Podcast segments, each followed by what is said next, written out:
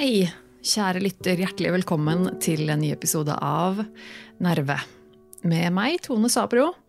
Dette er jo min lille podkast uh, som jeg lager nå ukentlig igjen. Yay. Jeg må si jeg er ganske stolt av meg selv. Jeg har nå riktignok ikke vært helt på dagen uh, hver uke, men jeg har nå faktisk klart å, å lage en ukentlig podkast igjen nå i år. Uh, og det har vært uh, Det må jeg si, det, det, det, er bra. Husk husker å klappe meg selv på skulderen for det. Men ja, velkommen tilbake. Jeg har hatt litt påskeferie. Det må jo være lov å ha litt påskeferie, tenker jeg. Dette å lage podkast er jo tross alt en jobb. Så det må, det må da være lov å ta seg litt ferie innimellom. Og jeg har jeg har jo hatt påskeferie, jeg også. Uh, jeg har um, prøvd å slappe av og nyte litt fri. Selv om jeg, uh, som jeg har nevnt før, er, litt, er ikke så glad i høytider og, og, sånne ting. Det er så mye stengt, og det er så mye unntakstilstander overalt. Det gjør meg litt uh, angstete. Men uh, jeg hadde jo denne turen til Tonstad, hjemstedet til min samboer, og gleder meg til. Og jeg har eh, Jeg må, jeg må si at det, det, var like koselig denne gangen som det det alltid er. Eh, å komme dit. Det er som sagt for meg litt som å dra på hytta.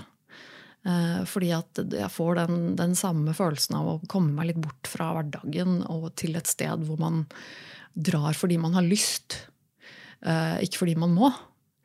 Eh, et sted man kan slappe av og være seg selv og bare chille litt. Eh, hvor det ikke er noe mas og masse jobb og styr og ordnings og sånne ting. Det er litt eh, det det er for meg å være på Tonstad. Hos foreldrene da, til, til, min samboer. Jeg er veldig glad i foreldrene hans og familien hans. De er veldig koselige. Det er, det er aldri noe mas hos dem. Det er de er bare glad for å ha oss på besøk. og Vi bor i det romslige huset deres, og vi får sove så lenge vi vil. og Det er ikke noe mas om at vi må ut på ski eller gjøre ditt eller datt. eller noen ting. Det er, uh, ja, det er rett og slett veldig koselig. Og um, så vi var der eh, i fjor også, i påsken, og koste oss veldig med det. Uh, og igjen i år. Og startet en slags tradisjon nå med å dra på gården til broren til samboeren min, der hvor denne gården som en gang var foreldrene sine.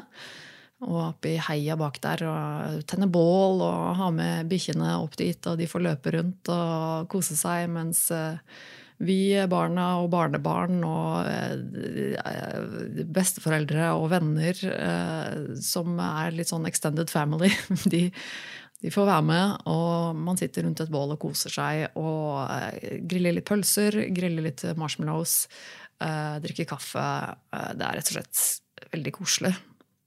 Vi var ikke like heldige med været i år som vi var i fjor. Eh, det var riktignok opphold mest av tiden. Det begynte å dryppe lite grann eh, mot slutten av eh, oppholdet vårt der, så det ble ikke like lenge og like, like hyggelig som det ble i fjor. Men, men, sånn er det nå. Kan dessverre ikke styre været.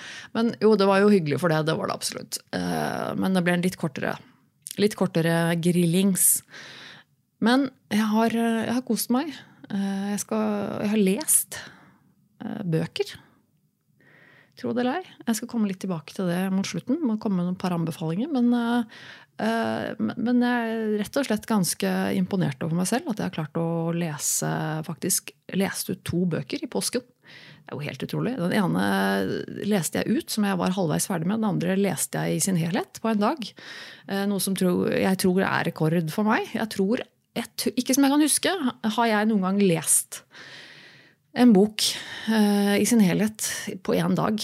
Uh, det tror jeg ikke jeg har gjort. Uh, så, så, det var jo en, en, ny rekord å ta med seg i boka for min del. Um, hva annet har skjedd siden sist? det er vel egentlig stort sett ikke så mye. Eh, jeg eh, hadde Gunnar, min kjære samboer, her en liten stund eh, før påsken. Og så dro vi sammen hjem til Vennesla, til huset vårt der. Og så kjørte vi derfra til, til Tonstad.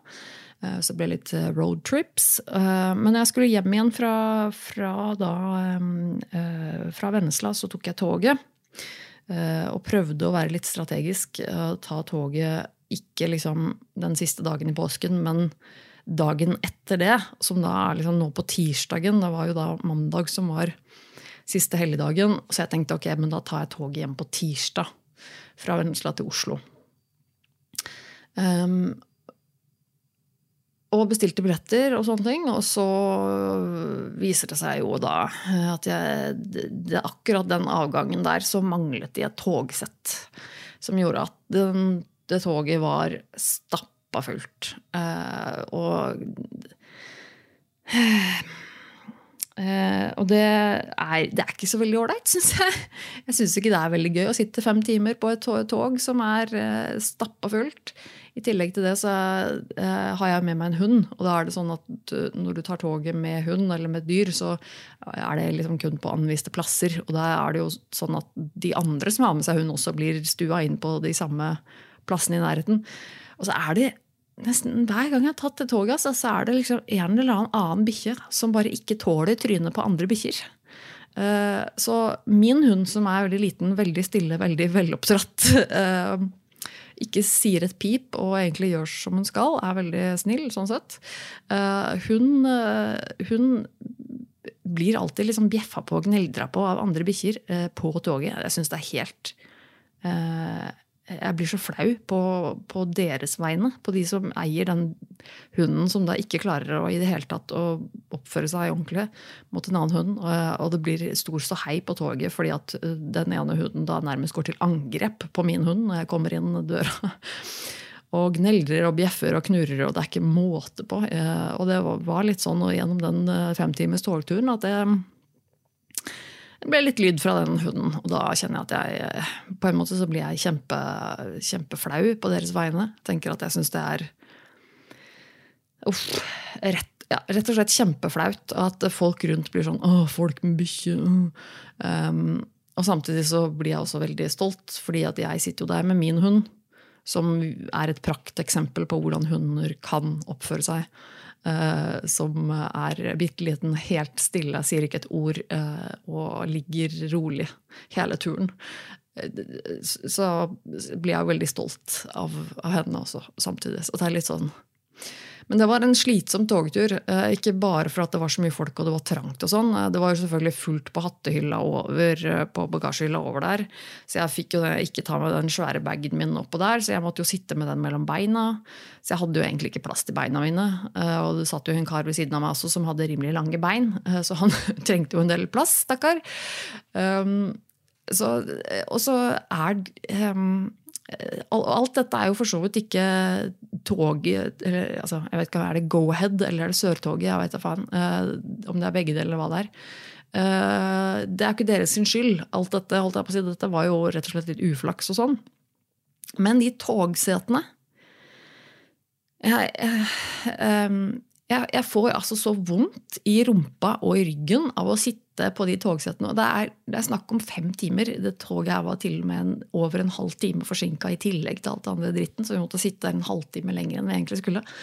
Men de er så harde, de togsetene. Jeg fatter ikke Jeg, jeg fatter det egentlig ikke. Altså, jeg kan skjønne at at det skal være lett å rengjøre og holde, altså vedlikeholde og sånn. Og med tanke på at liksom stoffet skal være sånn og sånn. Altså jeg, skjønner at, jeg, skjønner at, det må være liksom praktiske hensyn som må tas her. Men, men, det skal da gå an å sitte i disse setene også. Uh, og det er nesten så det ikke går an å sitte i de, fordi de er så harde. Uh, at jeg og, og, selv om jeg på en måte prøver å skifte litt stilling, og sånt, så er det litt begrensa hvor mye du får eh, gjort ut av det på, de, på den halve kvadratmeteren du har til rådighet. Uh, og jeg fikk, jeg fikk, veldig vondt i ryggen, og jeg, var, jeg, var, jeg, hadde faktisk vondt i ryggen hele resten av kvelden. Uh, da jeg kom hjem uh, og endelig kom meg i hus og fikk liksom pustet ut og pakket ut, og sånn, så kjente jeg at jeg hadde, faktisk, jeg hadde faktisk vondt i ryggen hele resten av kvelden. Det var heldigvis bedre i dagen etterpå, men det var helt jævlig. Ja, Men det gikk nå i hvert fall bra med tanke på det med angst og bilsyke. Som jo er det som jeg har gruet meg mest til når det gjelder det med den togturen og sånne ting. Angsten og bilsyken. Um, Og jeg tok reisesyketabletter som fungerte, så jeg fikk ikke noe kvalme eller vondt i hodet. eller noen sånne ting. Og så har jeg faktisk eh, klart å ta toget altså nå de siste gangene uten å oppleve angst og klaustrofobi. Og det har vært veldig, veldig lettende. Og jeg tror eh, det har med å gjøre at jeg har reist på dagtid. Det har vært eh, det, det, høres kanskje merkelig ut, eh, men, men, jeg er ganske sikker på at det er fordi at jeg reiser på dagtid mens det er sol eller liksom lyst ute. Eh, de gangene jeg sitter på toget eh, hvor det er mørkt ute, så er det verre. Det gir meg rett og slett mer angst og klaustrofobi når det er mørkt ute. Uh, av å sitte på det toget. Og det er sikkert ikke så rart. Altså, altså, det meste for oss mennesker blir jo litt lettere når det er liksom lyst og, og sånn. Um, men, uh, men også det med at den lille spacen du sitter i, uh, den føles jo ganske mye mindre når, er, når, det er mørkt utenfor. Du får ikke noe følelse av rom utenfor toget, og da gjør selvfølgelig at det føles mindre og trangere. Så jeg opplever faktisk stor forskjell på det. Eh, så jeg har funnet ut at de gangene jeg skal ta det toget hvor jeg skal kjøre langt på tog, så må det være på dagtid. Det må være i det vinduet eh, hvor det er, hvor det er lyst på dagen, rett og slett. Men ja, eh, jeg kom meg hjem, og det var, har vært en fin påske, må jeg si. Jeg har til og med vært jeg skal si flink og unne meg å spise godt godteri og sånn. Jeg som sliter med spiseforstyrrelser, anoreksi, bulimi, og sånn type ting, jeg syns jo det er veldig vanskelig å liksom la meg selv få lov til å spise sånne usunne ting med mye kalorier og ditt og datt. Det, det er en sånn eh, stadig, stadig mas om det i hodet mitt. Det kommer jeg liksom ikke forbi. Men eh, så når jeg sier at jeg har vært flink å la meg selv spise, så er jo det på en måte det, det objektive eh, synet, holdt jeg på å si. Det er litt sånn utenfra det jeg prøver å fortelle meg selv. At jo, er, du er flink når du lar deg selv spise godteri. Det er bra. Det, det, det, det, er bra. Det må du unne deg. Mens inni hodet mitt så er det jo omvendt. fordi at min spiseforstyrrelse sier jo til meg hele tiden at herregud, nå skeier du helt ut. For et bedritent menneske du er. Nå klarte du ikke, nå feila du. Hver gang jeg spiser i hvert fall godteri eller et eller annet, så er det sånn Jeg får jo angst av det. Men uh, men jeg har klart det, og det er det viktigste. Jeg tenker at ok, men jeg, jeg har faktisk klart å spise godteri i påsken. Og liksom unnet meg det og, og klart å nyte det på et vis. Um, uten altfor mye angst. Og det er deilig. Så klapp på skulderen for det. Eh, rett og slett uh, i, i uh, stort sett en, en, suksessfull påske, vil jeg si. Og så uh, litt over til Eh, det temaet, eller hva jeg skal kalle det, den lille tanken jeg hadde i dag, om jeg skulle um, greie litt ut om. Um, det er jo sånn at ja, det her, det, Jeg fortalte jo rett før påske at jeg skulle på et kurs. Jeg nevnte ikke hva det var. Men um, det som var greia, var at jeg uh, fant ut at jeg hadde lyst til å melde meg som frivillig hos Røde Kors. Eh, og Derfor så eh, har jeg vært på et sånt eh, innledningskurs hos Røde Kors, som er da dette kurset jeg refererte til jeg skulle på før påske. Som er et sånt kurs som alle frivillige blir sendt på, som er et sånt innledningskurs, hvor du da får informasjon om Røde Kors, hva de driver med, og hva man kan gjøre som frivillig Røde Kors, og melder seg på den aktiviteten som du har lyst til å drive med. Og jeg er jo jeg, altså jeg, er jo et sært menneske. Det skal jo ikke være, være, være, feil å innrømme det, må jeg si. Jeg skal jo Jeg er jo ikke som helt, helt som alle andre, kanskje. Men jeg tenkte at det å, det å jobbe eller det å ha en sånn greie som frivillig, det kan være litt ålreit. Men ikke hva som helst. um, Og faktisk så var det på en måte Det var, det én aktivitet som hadde sperret øynene litt opp for meg, som, som jeg syns faktisk hørtes veldig interessant ut. Og det er noe de kaller for visitortjenesten i, i eh, Røde Kors og, og, i norsk fengsel. Som er rett og slett å være en besøksvenn for innsatte i fengsel. Og det, da jeg hørte om det, så var det noe som umiddelbart appellerte veldig til meg. Jeg syns jo det hørtes veldig interessant ut. Å kunne øh, Og det øh, Kanskje ut fra ikke, ikke, bare alturistisk, men også litt sånn egoistisk. fordi jeg tenker jo at det kan være like interessant for meg som det eventuelt er hyggelig for en innsatt å få besøk. Det er jo da snakk om typ innsatte som ikke ellers får noe særlig besøk, og som kanskje sitter ganske isolert, og som da har behov for litt sosialisering. Ehm, og det vil jo si at det er kanskje innsatte som har ganske alvorlig kriminal, eh, kriminalitetshistorikk. Ehm, ikke at jeg får vite hva det er, men eh, men dette interesserer jo meg. Jeg er jo veldig interessert i, i outsidere i samfunnet vårt. I folk som skiller seg ut, folk som er annerledes, folk som er uh, gjør rare ting og tenker annerledes. Uh, det er jeg veldig interessert i. Og så er jeg jo Ja, jeg er jo, jeg er jo ofte veldig hva skal jeg si, jeg er jo ofte på lag med antagonisten. Og det er nok litt fordi jeg nok føler meg litt som den personen i samfunnet jeg har alltid vært uh, utafor. Så jeg, jeg, føler meg jo med en gang veldig, uh, veldig hjemme uh, i en sånn type rolle, og er veldig interessert i folk som er annerledes. Det syns jeg er spennende. Og så er det jo selvfølgelig noe med en uh, liksom humanismen i det.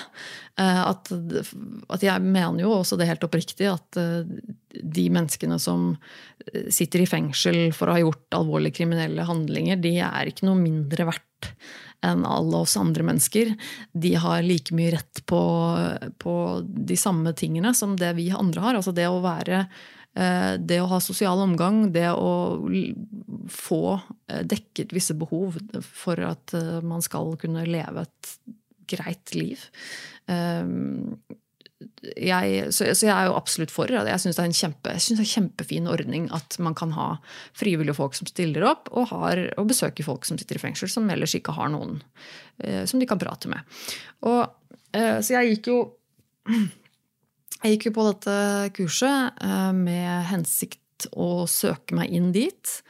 sjekket ut egentlig alle andre, Og det er, ganske mange nå, Selvfølgelig bare her i Oslo, jeg har vært på kurs, da, men i hvert fall her i Oslo så er det jo ganske mange oppgaver du kan gjøre. Eller hva skal jeg, hva skal jeg kalle det? Oppgaver, eller altså felt. Uh, uh, ja, ting du kan gjøre uh, som frivillig.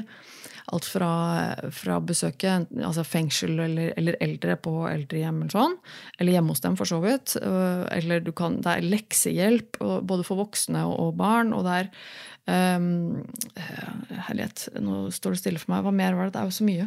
Uh, både for Og selvfølgelig dette kanskje de mange av oss assosierer med Røde Kors. Altså dette med, med bistand i eh, humanitære katastrofer eller sånne ting. Uh, ja, det er, det er, mye forskjellig. Uh, og jeg kikka grundig på det, jeg. Og det var jo ingenting av det andre jeg hadde lyst til. Jeg må bare være helt ærlig og si det. Det å være besøksvenn i fengsel var det eneste jeg kunne tenke meg. Jeg har ikke noe interesse av å drive med noe av det andre. Eh, leksehjelp, eh, besøksvenn for andre utenfor fengsel. Eh, eh søk og redning. Eh, altså, nei. Finnes ikke interesse. Jeg, ønsker ikke å drive med det. Jeg, jeg vil ikke. Så uh, i utgangspunktet så følte jeg meg jo litt sånn ja, ja, ok, jeg, jeg, jeg melder meg som frivillig, uh, som jo er en litt sånn uh, alturistisk dåd, holdt jeg på å si. Men samtidig sitter jeg her og vet at nei, jeg skal bare gjøre den ene tingen. Hvis jeg ikke får den, så gidder jeg ikke. Og så mens jeg sitter på kurset, så viser det seg at det er selvfølgelig fullt på visitortjenesten. Altså at de ikke trenger noen flere besøksvenner til fengsel. Eh, så jeg eh, følte meg jo kanskje litt dum og litt skuffa selvfølgelig, for at det var fullt, og tenkte at æsj, det var noe drit. Um, ja ja, da blir det ikke noe av. Og det, det, det, var det jeg hadde bestemt meg for. At jeg, jeg, ikke, jeg, gidder ikke å drive med noe annet. Jeg er ikke interessert i å gjøre noe annet. Uh, ok, det var fullt på visitortjenesten. Da Sorry. Da går jeg hjem. Uh, og det, det, var det jeg gjorde. Jeg meldte meg ikke opp til noen ting. Um, men skrev De har et sånt elektronisk skjema og jeg uh, da ikke meldte meg på noe spesifikt, fordi alt, det, det visitortjenesten var full. Men jeg skrev også på slutten her i et sånt kommentarfelt da, i det skjemaet at jeg ønsket visitortjenesten. Um, og så er det jo mulig at de selvfølgelig kontakter meg på sikt da, eh, hvis det blir ledig. Altså det kan jo selvfølgelig hende. Um, da har de registrert meg i systemet, og jeg har vært på kurset, og sånne ting, så da er det jo en mulighet.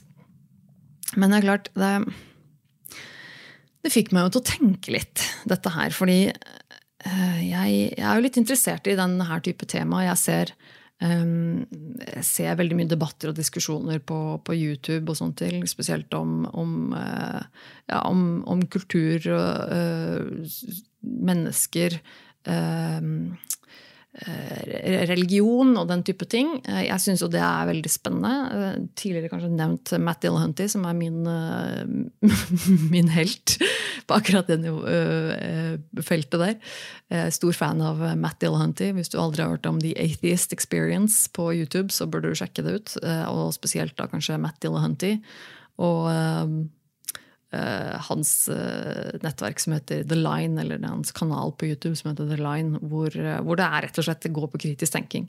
Og det er et debattprogram i, i, den, i, den, i, det formatet om at folk ringer inn, og så er det rett og slett samtaler med, med folk. og i dag gjerne religiøse mennesker som ringer inn og forteller hva de tror på, og hvorfor. og Matty Yollanty er genial på dette. Han er ateist, eh, tidligere dypt religiøs.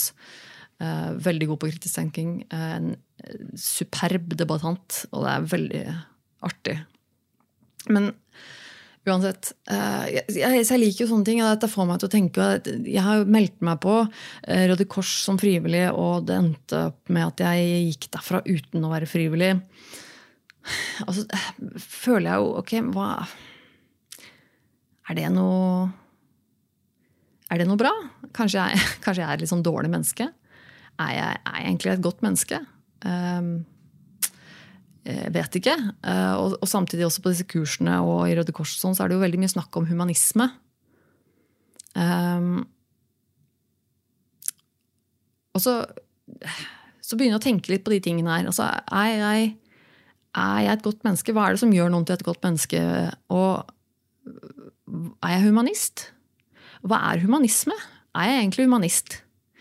Um, og så vet jeg jo det at jeg um, Jeg er jo humanist i den forstand at jeg ønsker altså Hvis vi ser på et uh, moralsk grunnlag, f.eks., så vil jeg påstå at uh, sekulær humanisme er på en måte det hovedsakelige grunnlaget jeg går for når det gjelder moral. Uh, og i hvert fall ikke noe religiøst. Jeg personlig stiller meg jo kraftig mot alt som har med religion å gjøre. I det hele tatt ting som ikke har uh, Som følger den vitenskapelige metode og det som kan bevises uh, uh, den, på den type måte. men men, jeg, men, men, men, humanisme er likevel for meg litt sånn derre problematisk, fordi at jeg har jo alltid, så lenge jeg kan huske, elsket dyr. Um, og andre skapninger, levende vesener på vår planet. Uh, og mener jo helt oppriktig at mennesker ikke har noen høyere verdi enn andre levende skapninger. Jeg syns det er veldig arrogant og veldig galt å, sette en høyere verdi på menneskeheten fremfor alt annet. Eh, for meg så er det veldig rart. Og veldig, ja, altså, å, å, tenke at vi som, som, art, altså mennesker, nei, vi er mer verdt, og vi er de viktigste. Bare fordi. Uh, Nei, det, det, for meg så er det Det skurrer veldig. Jeg, for meg så har dyr og levende vesener alltid hatt uh, en, uh, en, viktig rolle i livet. Og ikke, ikke bare liksom i mitt liv, men, men, er generelt like viktig for denne planeten som det vi mennesker er. Eh, på mange måter så er jeg nok ganske nihilistisk og tenker at vi mennesker har egentlig ingenting her å gjøre. Vi burde egentlig bare utrydde oss selv fordi vi har ødelagt jorda. Men, men, men, men humanist altså, Men i utgangspunktet, da, så, så, er jo ikke det at jeg mener at mennesker ikke er verdt noe. Um, det er ikke det jeg sier. I så fall så ikke noe mer verdt enn andre levende skapninger. Det er litt det som er poenget. Altså, jeg mener at mennesker og andre levende skapninger i utgangspunktet eh, ikke har noe mer eller mindre verdi enn hverandre. Eh, jeg mener ikke at jeg som menneske har noe mer rett til å leve på denne planeten her enn en hund, en katt, en, et, en, eller annen fugl eller en eller annen fisk. Eh, hva enn du skal snakke om. Jeg, det mener jeg ikke. I utgangspunktet. Men så skjønner jeg også at det er forskjell på øh, Altså det er forskjell på næring. Altså, nærings, næringskjeden er en greie, og det er forskjell på, uh, på uh, arter likevel. Vi er jo stor forskjell, det er jo stor forskjell på oss som art og en, uh, en maur, for å si det sånn. Da. Og det er mange som kan si at ja, ja, men mennesker er selvfølgelig mye viktigere enn en maur. Um, og jeg kan skjønne at ja, på mange måter er det nok det. altså på mange måter, Hvis du kan si at på et intellektuelt nivå så er vi selvfølgelig mer utviklet enn en maur. Og jeg kan si at jeg betyr mye for, for, andre mennesker. Jeg har en verdi for andre mennesker rundt meg, og, og jeg har en rolle i et samfunn på en mye større og viktigere måte enn det en maur har. Men jeg har ikke bedt om å bli født, og det har heller ikke denne mauren. Eh, jeg mener heller ikke at jeg har noe mer bedre rett til å leve enn det denne mauren har. Um, I utgangspunktet. dette, ja, jeg, skjønner, jeg skjønner dette blir eh, Jeg har ikke noen konkrete nå notater foran meg. Dette her blir bare eh, slags, en slags måte for meg å forklare mitt, eh, mitt grunnleggende syn. Fordi um, og, dette er komplisert. Uh, det er ikke sånn at jeg mener at, uh, at, uh, at, at du alltid skal prioritere et, et um, dyreliv fremfor et menneskeliv, eh, men heller ikke omvendt. Eh, og jeg skjønner at det også har er kompliserte scenarioer, og jeg skjønner at ofte vil, at veldig mange naturligvis vil si at kanskje denne menneskebabyen er verdt mer enn dette, denne hunden hvis dette huset brenner ned. Eh, at man redder kanskje menneskebabyen fremfor å redde hunden, hvis man må velge. Eh, det, tror jeg er, det tror jeg de fleste av oss kanskje ville gjort. Eh, altså oss mennesker. At det ligger veldig nært oss instinktivt å redde vår egen art. Eh, og det, det tenker jeg at er ganske naturlig. Men likevel så vil jeg jo ikke si at det nødvendigvis er sånn at den menneskebabyen har en høyere verdi enn den hunden eh, i seg selv. Men det har jo med valg man tar, og hva man prioriterer osv. Alt er jo komplekst, eh, selvfølgelig. Men eh, ja. Bare for å begynne et sted. Men jeg, eh, for jeg tenker liksom ok, hva er humanisme? Og da blir jeg liksom Ok, er jeg humanist? Fordi for meg så er humanisme Det handler jo om mennesker. Um, og hvis vi går på uh, Store norske leksikon og går på humanisme, så skriver uh, Store norske leksikon at humanisme er en generell holdning og tankeretning som setter mennesket i fokus som selvstendig aktør. Ser på mennesket som selv ansvarlig for å skaffe seg kunnskap på best mulig måte ved hjelp av sin kritiske fornuft og praksis, og tilskriver enkeltmennesket en ukrenkelig egenverdi og verdighet. Og det er jo her dette, dette synet mitt kommer litt eh, i klinsj med humanisme. fordi at jeg mener jo eh, Eller altså, kan bli. Ikke nødvendigvis, riktignok. Eh, men for jeg tenker jo at det med å sette mennesket i fokus eh, Det ligger ikke helt naturlig for meg. Å tenke at mennesket er det som er det viktigste. Det er det vi må fokusere på. Det er det som er eh, en, en, eh, en basis for, for, for, moral og for eh, etisk handling. Dette med, med, at vi skal opphøye mennesket og menneskets velverd. For meg så kommer det litt kort, fordi at jeg, jeg vil inkludere andre levende vesener også i den eh, ligninga. Og det, så um, Når det står også at, eh, at det tilskriver enkeltmennesket en ukrenkelig egenverdi og verdighet, så er det ikke at jeg er uenig i det. Ikke nødvendigvis. Jeg kan godt si meg enig av at, at enkeltmennesket har en ukrenkelig egenverdi og verdighet, men jeg ville også da tillegge det til andre dyr. Og si at ja, men vi har ikke noe mer ukrenkelig egenverdi og verdighet enn det min hund har, f.eks. Eller en gris eller en ku som du spiste til middag. Så for meg så, så um, er det ikke nødvendigvis sånn at humanisme blir feil, men det er ikke helt riktig likevel. For det, det, for meg så blir ikke humanisme på en måte Det blir ikke bredt nok. Um, og, så, og, så, begynte jeg å tenke sånn Ok, er det Fins det et ord for, eh, for, eh, for oss som, som, meg, som også inkluderer dyr i, i, dette livssynet, eller hva man skal kalle det? Altså eh, animalist? Animalistisk?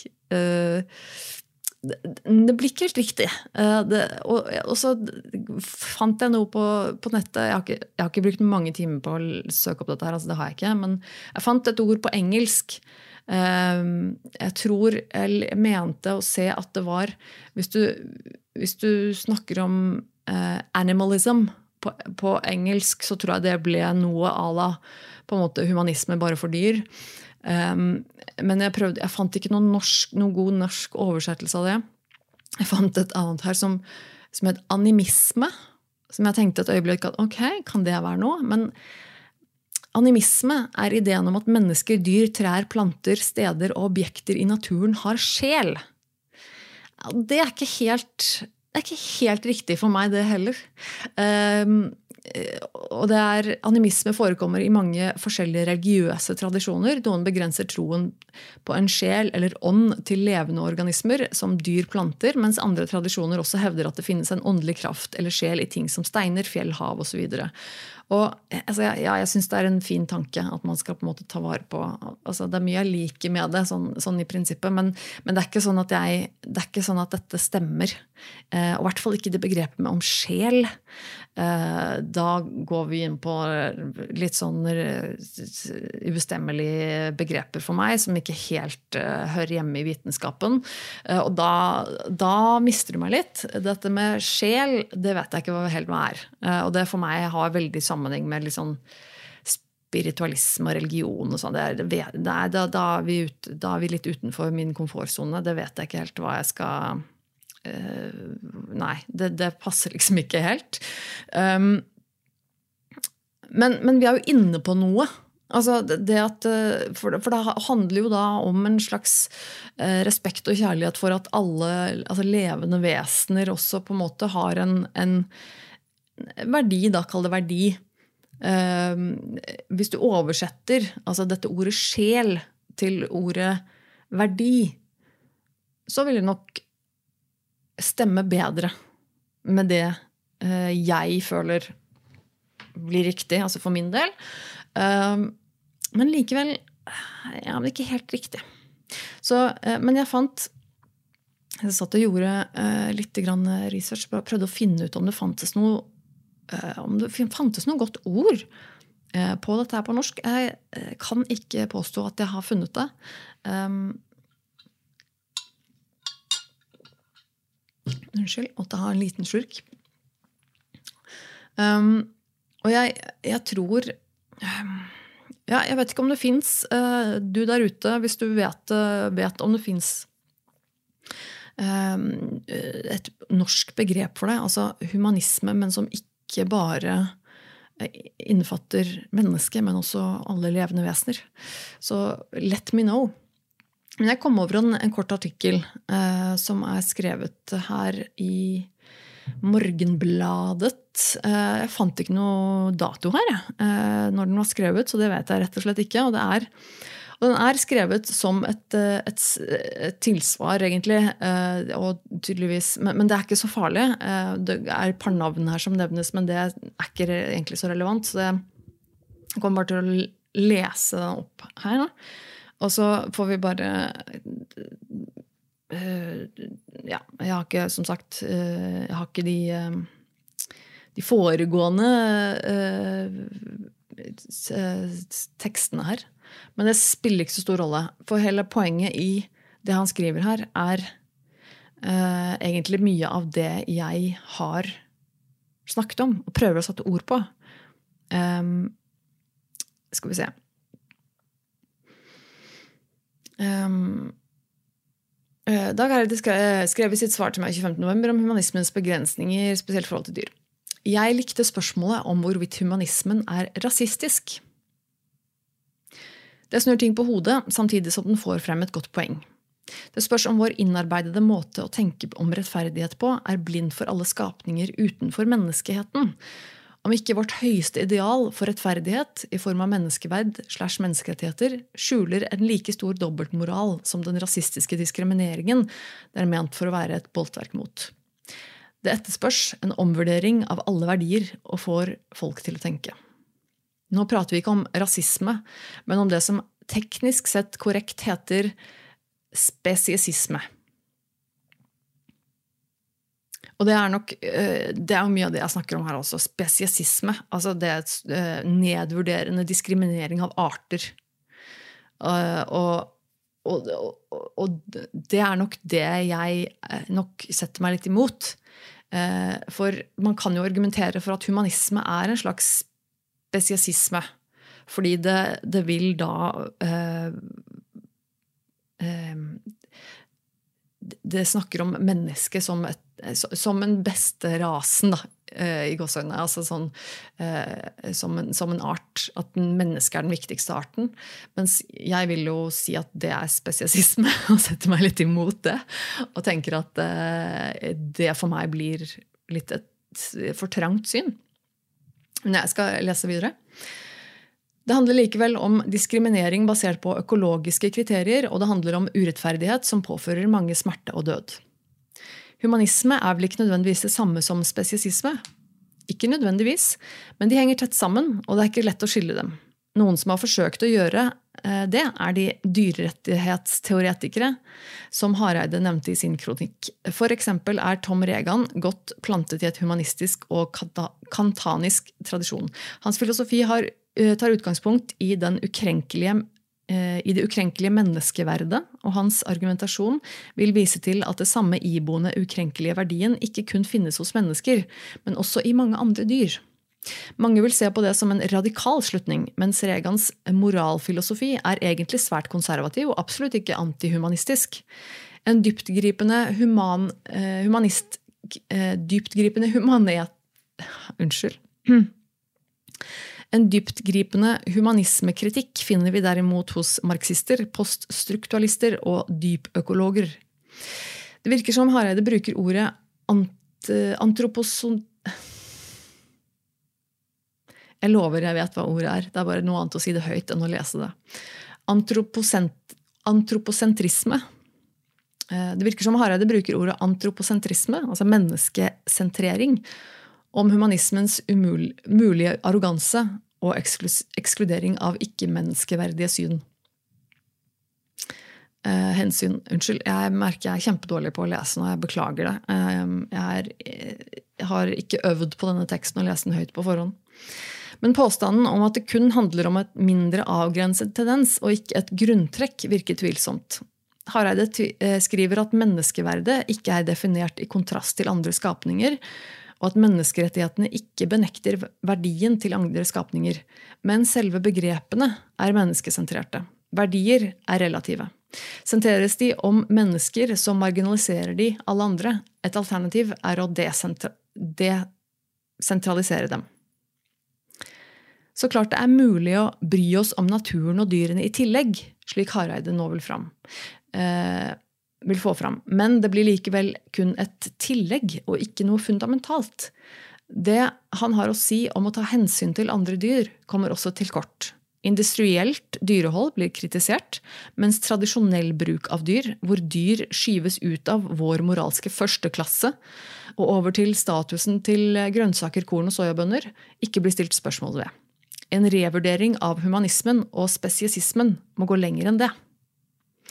Skriver altså eh, Arild Tornes. Eh, mastergrad i idéhistorie, styremedlem i Norsk Vegansamfunn.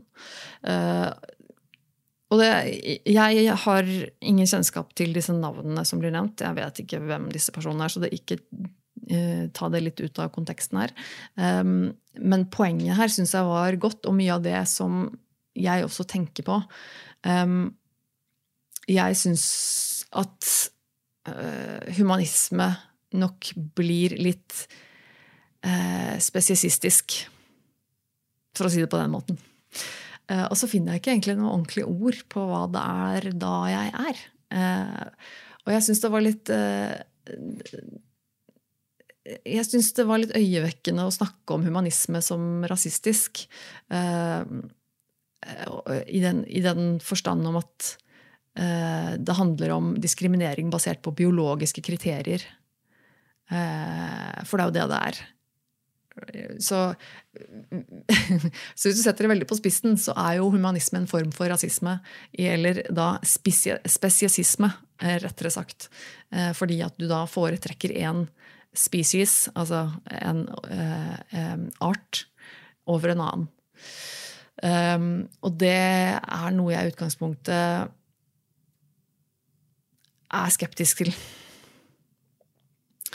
Um, og jeg er jo uh, Og selv så vet jeg jo at dette er, er, det er ganske komplekst. Uh, vi er jo en, vi, selv om vi mennesker skal altså, Det, det fins ikke noen måte egentlig at vi mennesker kan um, I hvert fall som, som jeg ser det, så, så, er det egentlig ingen måte vi mennesker kan uh, kan slutte helt med å skade dyr, eller drepe dyr, i vår produksjon av mat.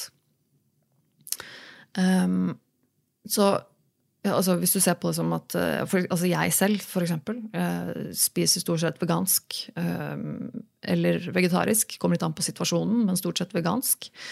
Uh, som vil si at jeg da ikke ønsker å utnytte eller å skade eller drepe andre dyr eller levende vesener for at jeg skal få i meg mat.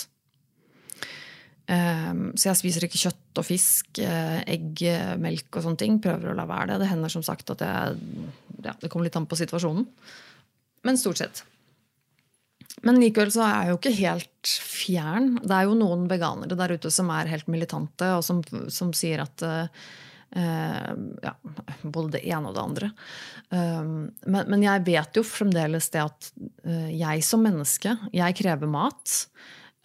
og, så er det, og så er jeg klar over det at den produksjonen som, som produserer min mat, det skader dyr. Uansett om det er grønnsaker eller korn, eller hva det skal være, så er det dyr som dør og blir skadet eh, for at jeg skal få mat. Selv om det er vegansk mat. Eh, fordi at eh, den produksjonen av korn, f.eks. ute på en åker, der er det Det tar rett og slett områder fra dyrene der hvor de er vant til å bo. Og det er jo ikke bra. Det er jo skadelig for dyrene, for økosystemet, selvfølgelig. At vi mennesker tar oss, tar oss til rette på den måten av landet. Uh, og så er det jo noe med at du også selvfølgelig ikke klarer å unngå å drepe dyr i den produksjonen når du eh, tresker på den, uh, det jordet. og kutter ned her og der med både grønnsaker og det er store maskiner, og det er midler som skal drepe både insekter og det ene og det andre, som er dårlig for naturen. Og, ikke sant? Du kommer ikke utenom det. Da. At det er uh, mus, rotter, fugler, rådyr, uh, gnagere, altså alt mulig som, som, dør, og som blir skadet av vår matproduksjon.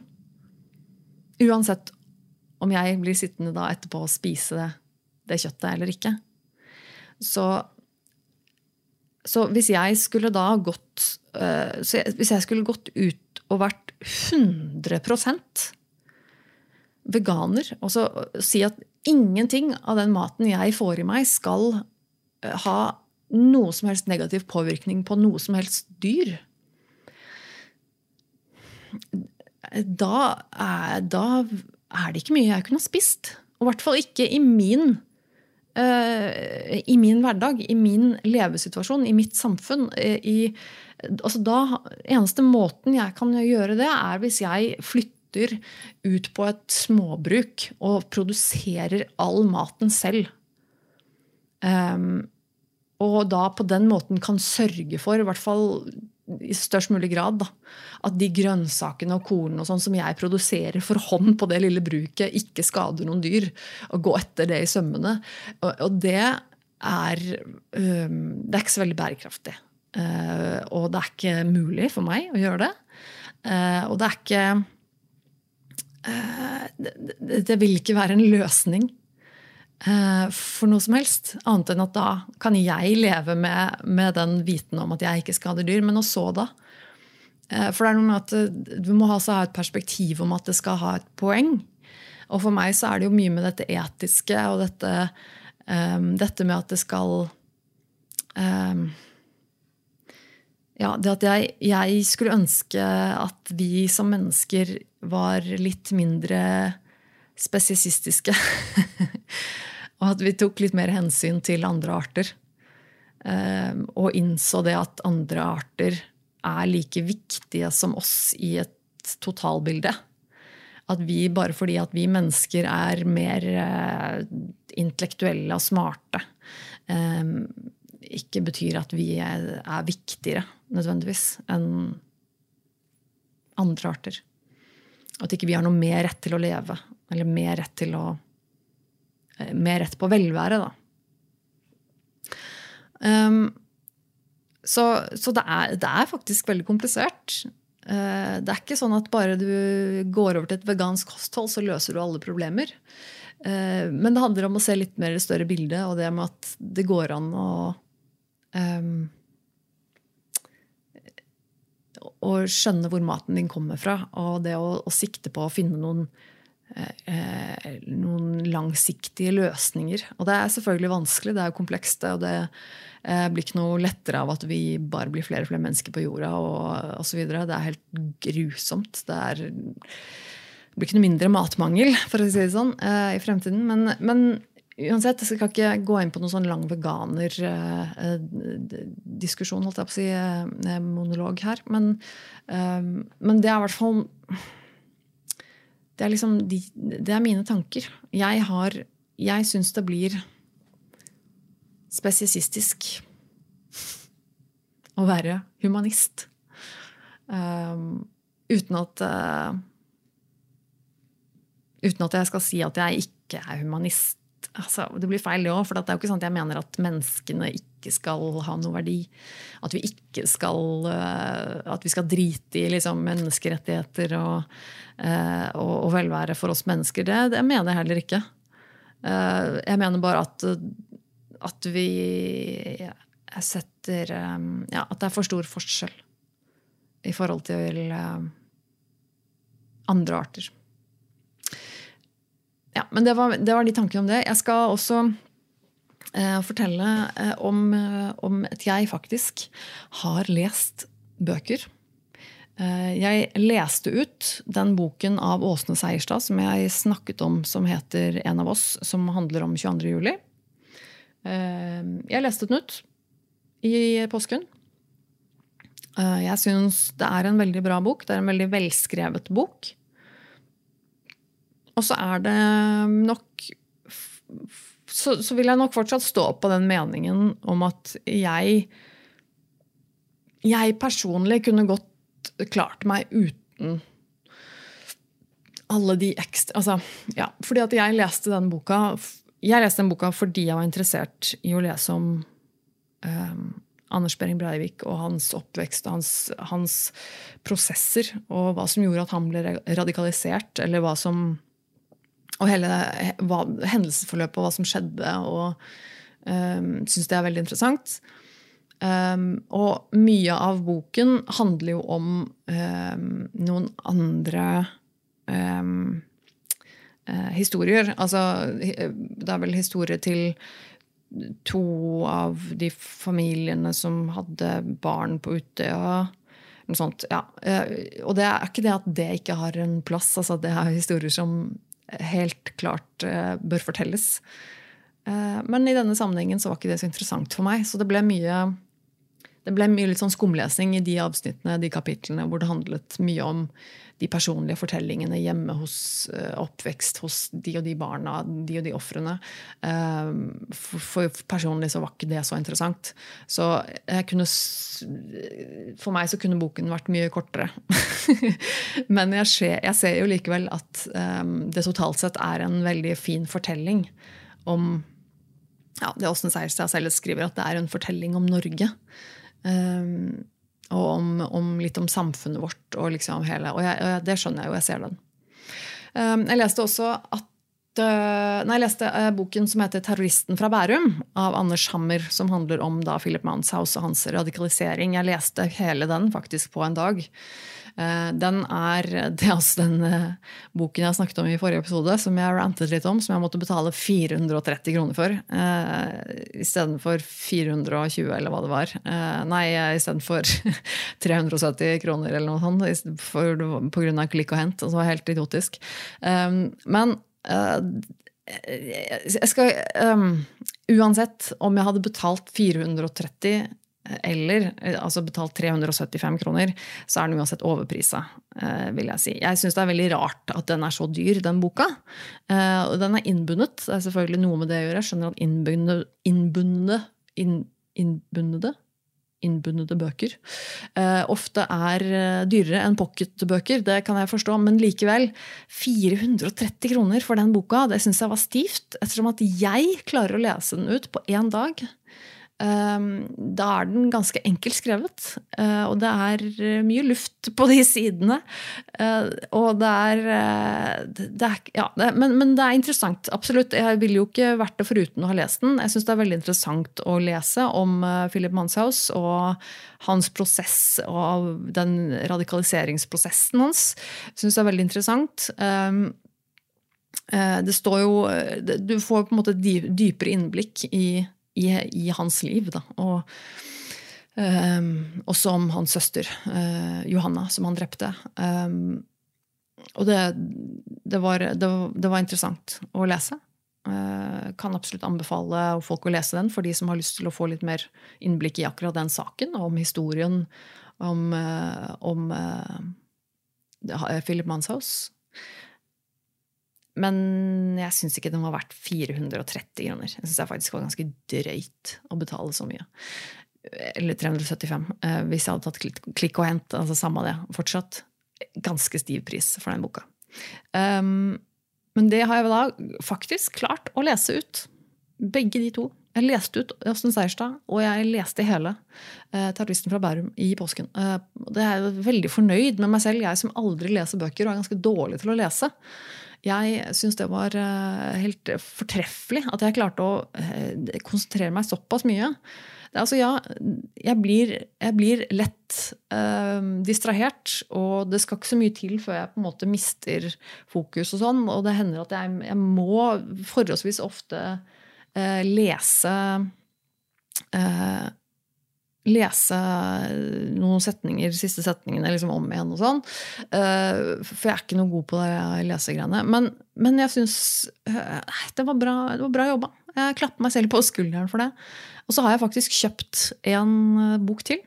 Helt annen type bok. Ikke noe sånn sakeprosa, er det ikke det der? Dette andre jeg snakket om. Um, jeg er jo uh, fan av gaming og games. Uh, har jeg jo drevet mye med tidligere. Ikke så mye nå lenger, men jeg følger mye streams på, på YouTube. eller på, uh, ja, og, og, spesielt har jeg en gamer jeg pleier å følge med på, som heter Gab. eller Gab Smolders, som hun heter på YouTube.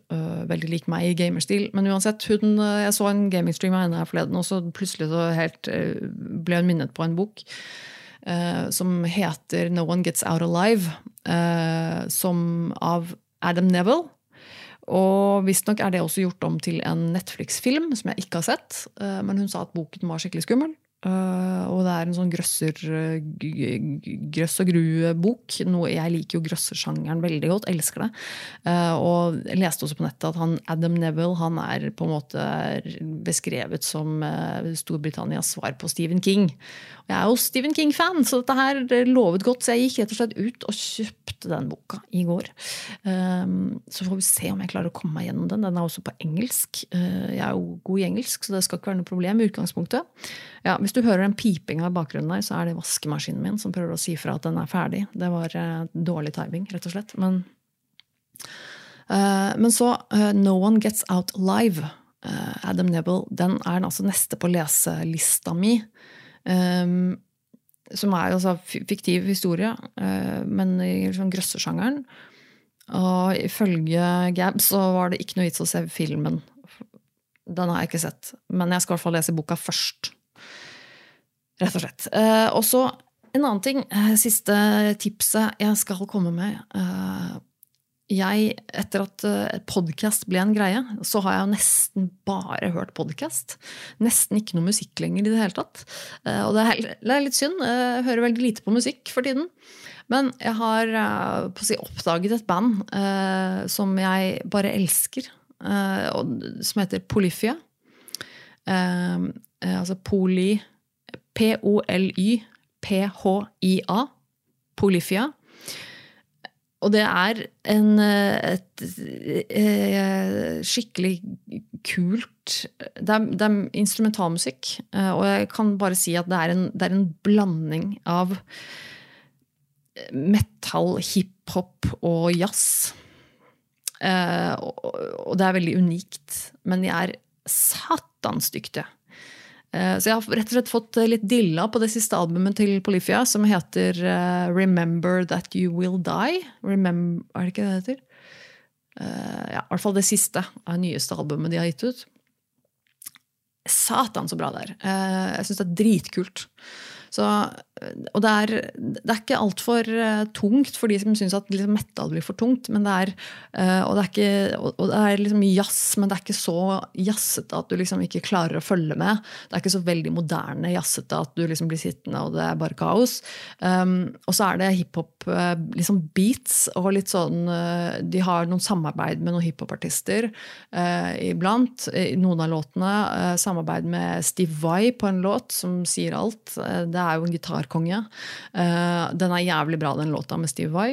Uh, ja, altså, men Polyphia Jævlig kult, rett og slett. Uh, og det er ikke ofte jeg Og jeg har jo faktisk jeg hadde jo faktisk hørt en av låtene før. Jeg vet ikke hvor i all verden jeg har For dette er vel ikke noe typisk musikk som blir sendt på radio, så vidt jeg vet.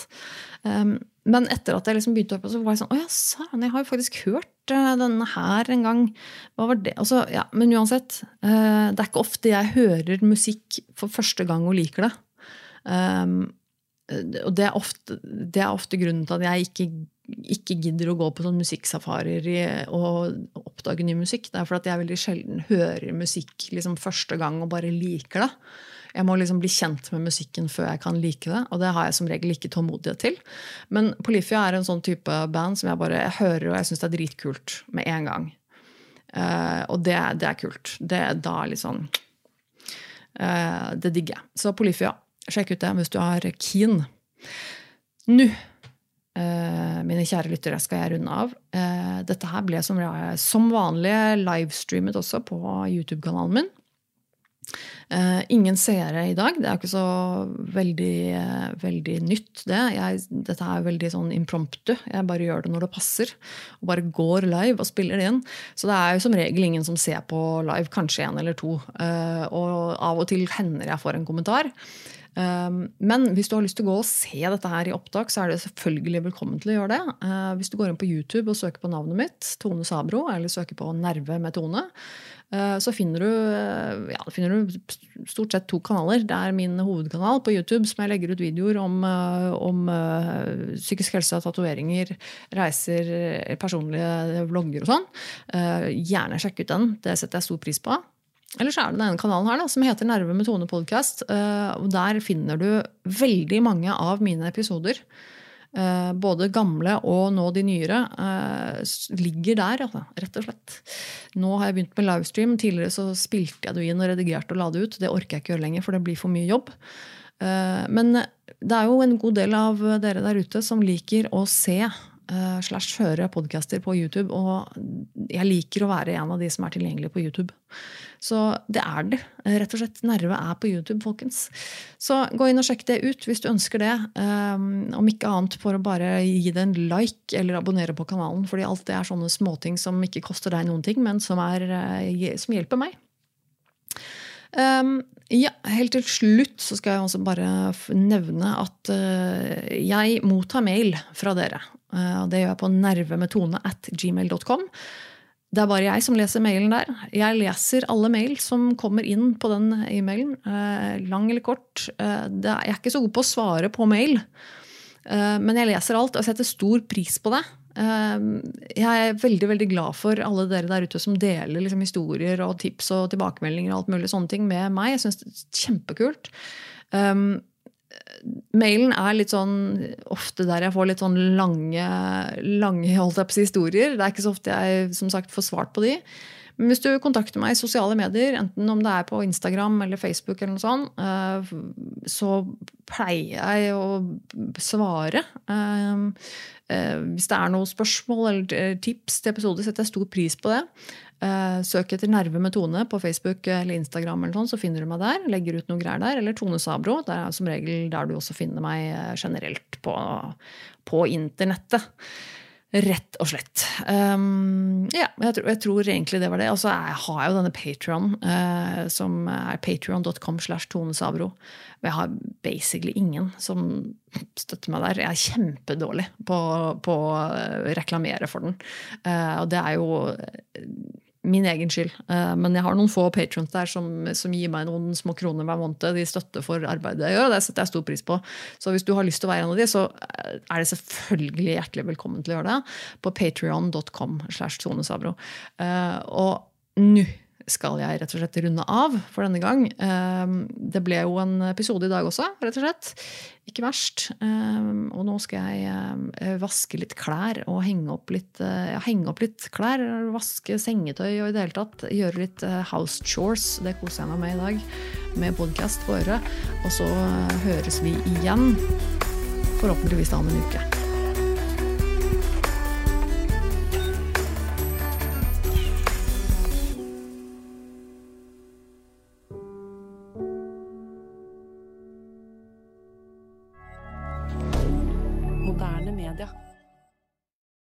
Har du et enkeltpersonforetak eller en liten bedrift? Da er du sikkert lei av å høre meg snakke om hvor enkelt det er med kvitteringer og bilag i fiken, så vi eh, gir oss her, vi. Fordi vi liker enkelt. Fiken superenkelt regnskap.